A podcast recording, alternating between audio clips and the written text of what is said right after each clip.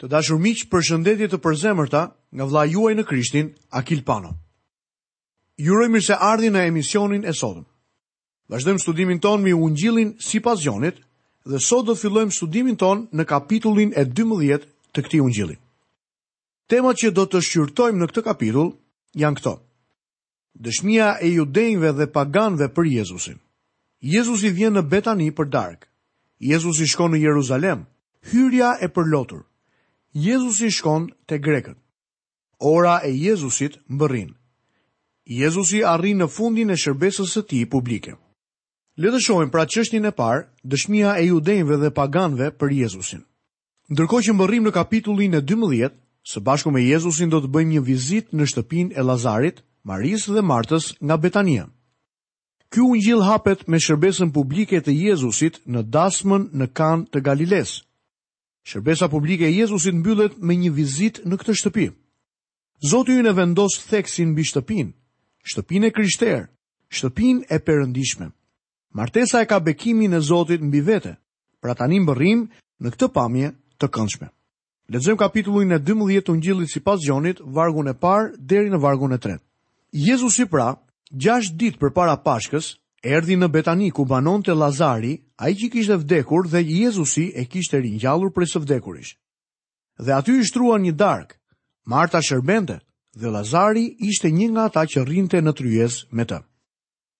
Atëherë Maria mori një libër vaj erëkëndshëm prej nardi të pastër, shumë të kushtueshëm, vajosi me të këmbët e Jezusit dhe i fshiu këmbët e tij me flokët e saj, dhe shtëpia u mbush me erën e këtij vaji. Në Jeruzalem po komplotohej dhe planifikohej vrasja e Jezusit, por këtu në Betani, miqtë e tij përgatitën një festë për të. Pikërisht nën hijen e kryqit, ata që e deshën i shtruan një darkë. Ne do të studiojmë të gjithë pamjen e kësaj darke të këndshme. Lazari, personi që ishte ngritur nga të vdekurit, ndodhej në shoqërinë e Krishtit. Jezusi kishte thënë, Unë jam ringjallja dhe jeta. Ai që beson në mua, edhe sikur të duhej të vdesë, do të jetojë. Kjo gjë ishte e vërtetë për Lazarin në aspektin fizik. Ai u ngrit nga të vdekurit. Kjo është e vërtetë edhe për mua dhe ju në aspektin shpirtëror. Ne ishim të vdekur në shkelje dhe mëkatet tona. Nuk kishim njohuri për të dhe as miqësi me të. Por ai tha, Dhe ai që jeton e beson në mua, nuk do të vdesë kurrë përjetë. Çfarë pamje e mrekullueshme.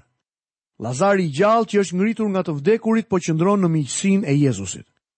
Shohim Marinë që është ulur në këmbët e Jezusit, që rritej në hir dhe në njohjen e Krishtit, dhe së treti, shohim Martën duke shërbyer për t'u dhënë ushqimin. Kjo është dhuntia e saj dhe ajo po e ushtron. Në kishën e sotme këto janë tre elementët e domosdoshëm: jetë e re në Krishtin, adhurim, admirim dhe shërbim. Kjo shtëpi në Betani duhet të jetë një pamje e kishës sonë sot. E gjitha kjo ndodh në një shtëpi ku është Jezusi me të vetët. Ashtu siç e dini edhe ju, kisha filloi në një shtëpi. Mund edhe të përfundojë në një shtëpi. Shumë nga kishat tona po largohen nga Zoti dhe gjërat e tij. Nuk ka më vende miqësie të hirshme dhe bekimesh. Kështu, ndoshta kisha do të kthehet në shtëpi, ku mund të gjendet miqësia e vërtetë me Krishtin. Këtu vërejmë përkushtimin, admirimin, dashurinë e pashqiptuar dhe dhemshurinë e thellë të kësaj gruaje, Marisë. Ajo vajosi këmbët e saj me vaj të shtrenjtë dhe i fshiu me flokët e saj. Disa njerëz mendojnë se kjo është e njëjta histori me atë të prostitutës që lau këmbët e Jezusit. Nëse edhe ju mendoni kështu, Kam frikë se ndonjë ditë do të keni probleme me Marinë. Ajo është një person krejt tjetër. E vetmja gjë e përbashkët në të dy rastet është fshirja e këmbëve me flokë. Aroma e vajit mbushi shtëpinë. E këndshme, apo jo? Lexojmë poshtë vargjet 4 deri 6. Atëherë një nga dishepujt e tij, Juda Iskarioti, biri i Simonit, ai që do ta tradhtonte, tha: Pse nuk u shit ky vaj për treqind denarë dhe t'u jepej fitimi të varfërve?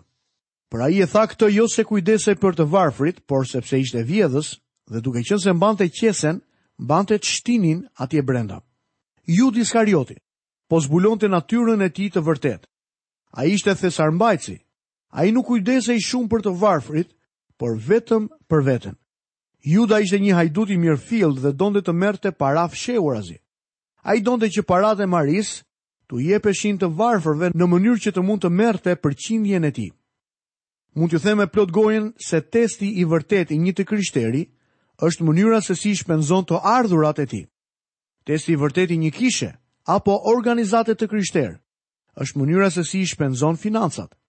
A përdoret paraja që jepet për arsyen për të cilën jepet, apo zhvendoset dhe përdoret në ndonjë mënyrë tjetër. Treqind denar ishte rroga vjetore e një punëtori në atë kohë.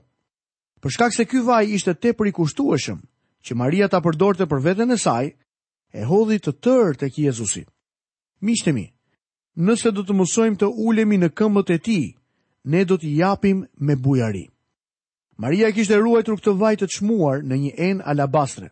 Ai kishte ardhur nga India, ku erëzat rriteshin shumë dhe ishte mjaft i shtrenjtë. A e dini se pse e kishte blerë dhe ruajtur atë vaj? Që kur të vdiste, vaji të mund të hidhej në trupin e saj. Ndërsa tani shohim që e hedh të gjithë mbi Jezusin. Kjo do të thotë dashuri, adhurim dhe dhembshuri për këtë person. Aroma e vajit mbushi shtëpinë dhe e mbush ende sot këtë botë. Lexojmë vargun 7 dhe 8. Jezusi pra tha,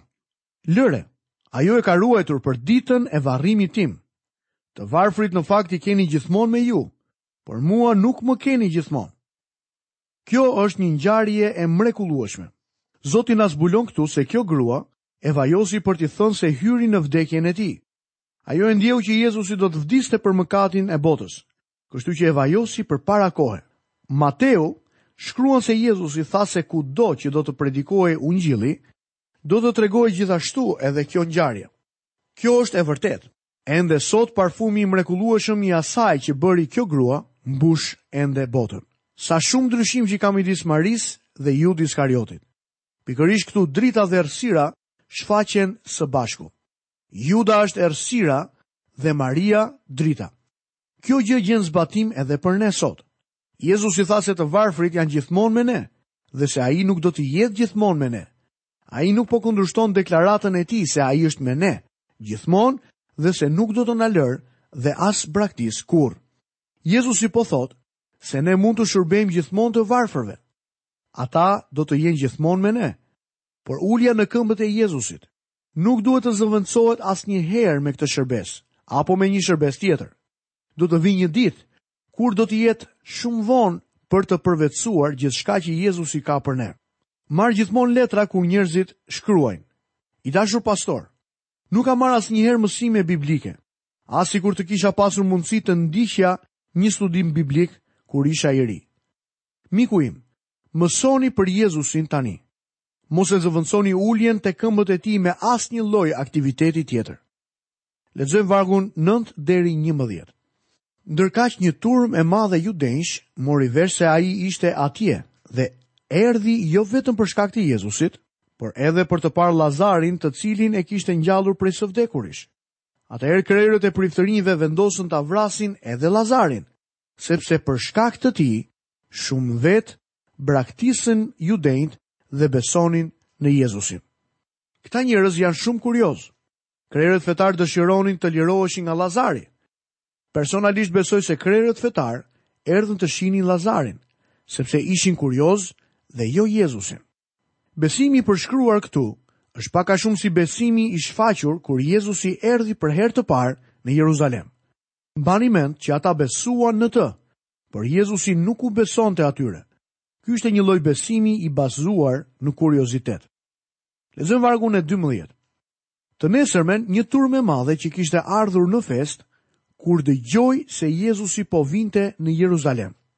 Vini re se si e vesh Gjoni këtë person që vinte nga përjetësia në kalendarin e botës. Është koha para fillimit të festës së Pashkës dhe turma ishte në pritje. Mbani mend se në Ungjillin e Mateut Jezusi lindi dhe u kërkua nga njerëzit e ditur që e quajtën mbreti i judenjve. Tani në fund të shërbesës së tij, na prezantohet sërish si mbreti i judenjve. Lexojmë vargjet 13 deri 15. Morën degë palmash dhe i dolën para duke thirrur. Hosana, bekuar ai që vjen në emër të Zotit, mbreti i Izraelit. Dhe Jezusi gjeti një kërriç dhe hipi në të, siç është shkruar, Mos druaj o bijë e Sionit. Ja, mbreti yt po vjen, duke kalëruar mbi një kërriç gomareje. Kjo është oferta publike e tij si mbreti dhe zotëruesi i tyre. Por sigurisht që ata nuk e pranuan. Ai nuk mbledh më njerëz për t'i mësuar. Kjo gjë është ndërprerë tashmë. Ky veprim ishte përmbushje e profecisë. Jezusi po e ofron veten e tij përpara kombit. Kjo në fakt nuk është hyrje ngadhënjyese. Ai hyri përmes derës së deleve qetësisht gjatë shërbesës së tij publike. Gjatë gjithë shërbesës publike të Jezusit, ai u kujdes që të tërhiqej nga turma. Tani që shërbesa e tij publike po mbaron, Jezusi bën diçka publike që nuk e kishte bërë asnjëherë. Ai del publikisht dhe prezanton veten e tij. E bën këtë për të përmbushur profecinë, siç është shkruar. Jezusi hyn në Jeruzalem për të përmbushur fjalën e Perëndisë dhe vullnetin e Perëndisë. Gjoni na jep vetëm një ngjarje të shkurtër të kësaj hyrje të Jezusit dhe thotë se përmbush profecinë e Zakarisë kapitulli 9 dhe vargu i 9. Ngazëllo me të madhe o bijë e Sionit. Lësho britma gëzimi, o bijë e Jeruzalemit. Ja, mbreti yt po të vjen. Ai është i drejtë dhe sjell shpëtimin, i përulur dhe i hipur mbi një gomar, mbi një gomar të ri.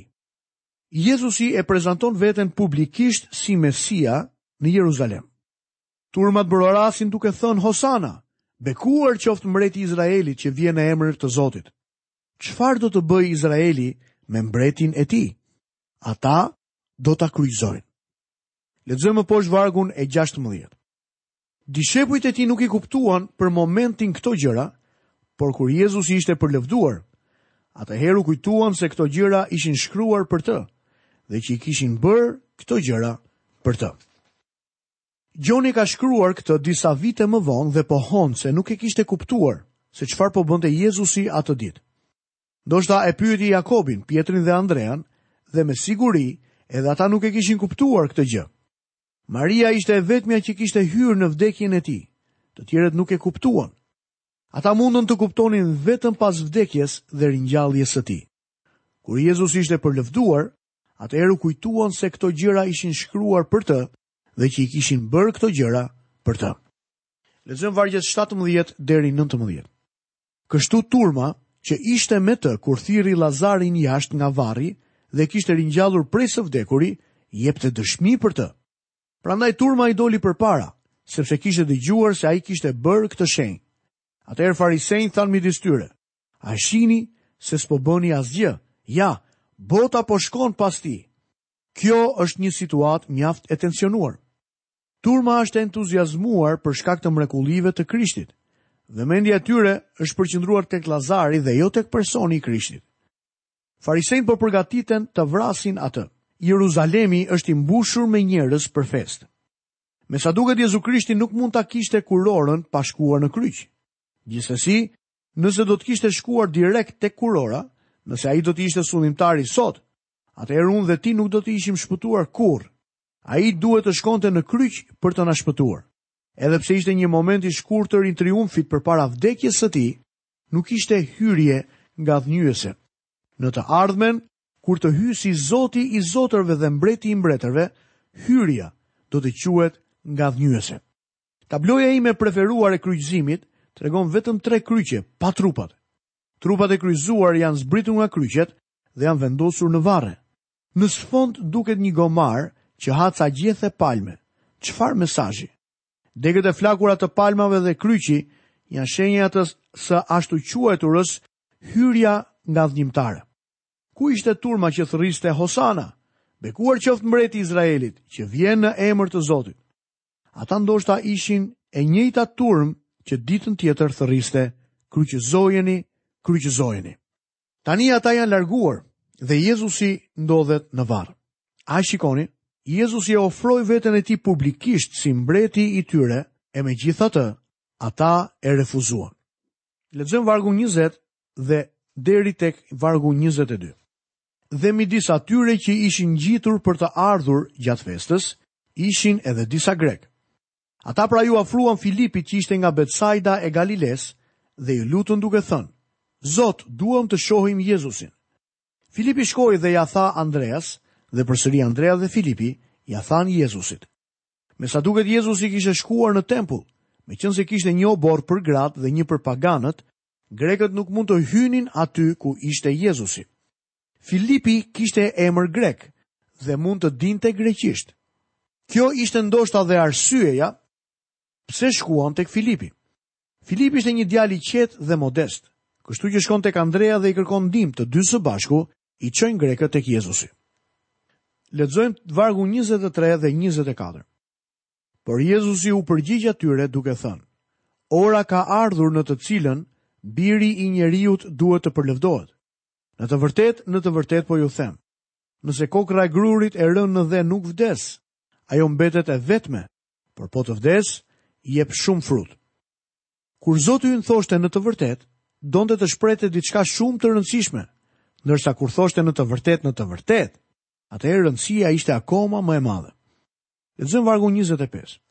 Kush e do jetën e vet do ta humbasë, dhe kush e urren jetën e vet në këtë botë do ta ruajë për jetën e përjetshme.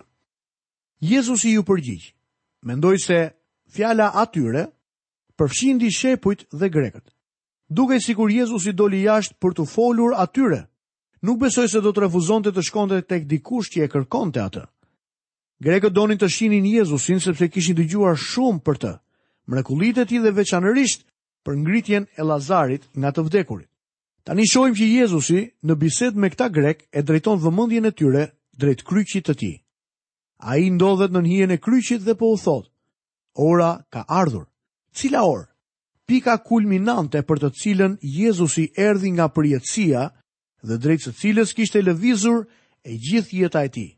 Besoj se e mbani mend se në fillim të shërbesës, në të njëjtin ungjil, tek ungjilli i Gjonit kapitulli 2 dhe vargu i 4, Jezusi i tha nënës së tij, Ora ime nuk ka ardhur ende, ndërsa tani ora e tij ka mbërritur. Ai do të shkojë në kryq. Konceptimi i tij për kryqin ishte ndryshe nga ai i popullsisë romake. Për ta ishte një instrument çnderimi dhe turpërimi. Ishte laku i xhelatit. Karriga elektrike dhe dhoma e gazit. Ai u bë i bindur ndaj vdekjes në kryq. Pse? Galatasit 3:13 deklaron: Krishti na shpengoi nga mallkimi i ligjit, sepse u bë mallkim për ne, duke qenë se është shkruar, i mallkuar është kushdo që varet në dru. Pastaj në ditën e tretë ai u ngrit nga të vdekurit dhe u kurorëzua me lavdi dhe nder. Për gëzimin që ishte përpara tij, duroi kryqin duke përçmuar fyerjen dhe u ul në të djathtën e fronit të Perëndisë. Lavdia e Zotit shihet në atë kryq. Kjo ishte arsyeja pse tha se kishte ardhur koha edhe kur ai do të përlëvdohej. Miqtë e mi, Jezusi u përlëvdua kur vdiq për mua dhe për ty. Ai u përlëvdua kur doli nga varri. Mëshira, falja dhe zemërbutësia gjenden në atë kryq. Më tej Zoti ynë shpall një princip të rëndësishëm duke përdorur analogjinë fizike të kokrrës së grurit. Edhe pse kokrra e grurit vdes në tokë, ajo prodhon bimën, kallirin dhe të korrën. Ajo kokërr duhet të vdesë në mënyrë që të sjellë fruta. Shumë njerëz mendojnë se kanë parë Jezusin për shkak se kanë lexuar Ungjijtë dhe kanë studiuar jetën e tij.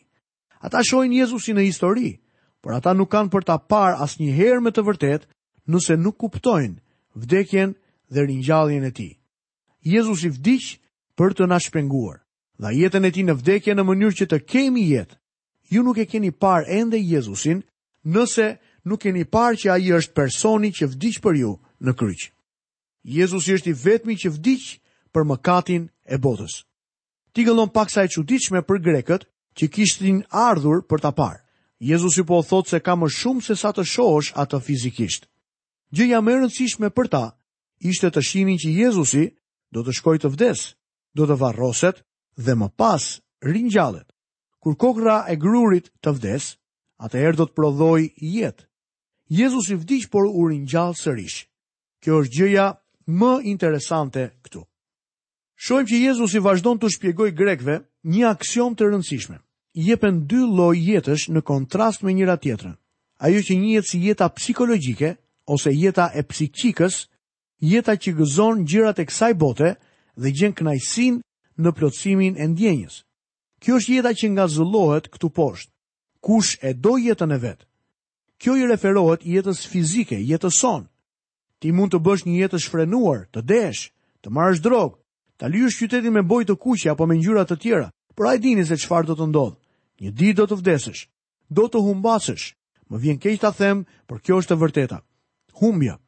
Por, lajmi i mirë i Jezu Krishtit është ky, që ti nuk ke nevojë të shkosh në ferr. Ti nuk ke nevojë që të përjetosh ndarjen e përjetshme nga Perëndia. Beso në Jezusin. Pranoje Atë si Zotin dhe si Shpëtimtarin tënd, lutu dhe kërkoje Atë në zemrën tënde dhe jeta jote do të ndryshojë. Perëndia do derdhë frymën e Tij në ty, pasi do të ketë pastruar më parë me anë të gjakut të Birit të Tij. Perëndia do bëjë banesën e Tij në ty duke shkruar Fjalën e Tij në zemrën tënde, duke dhënë në ty sigurinë e jetës së përjetshme. Të dashur miq, këtu kemi mbërritur në fundin e emisionit të sotëm. Nga vëllai juaj në Krishtin Akil Pano, paçi të gjitha bekimet e Perëndisë në jetën tuaj. Bashkë mirudëgjofshim në emisionin e ardhshëm.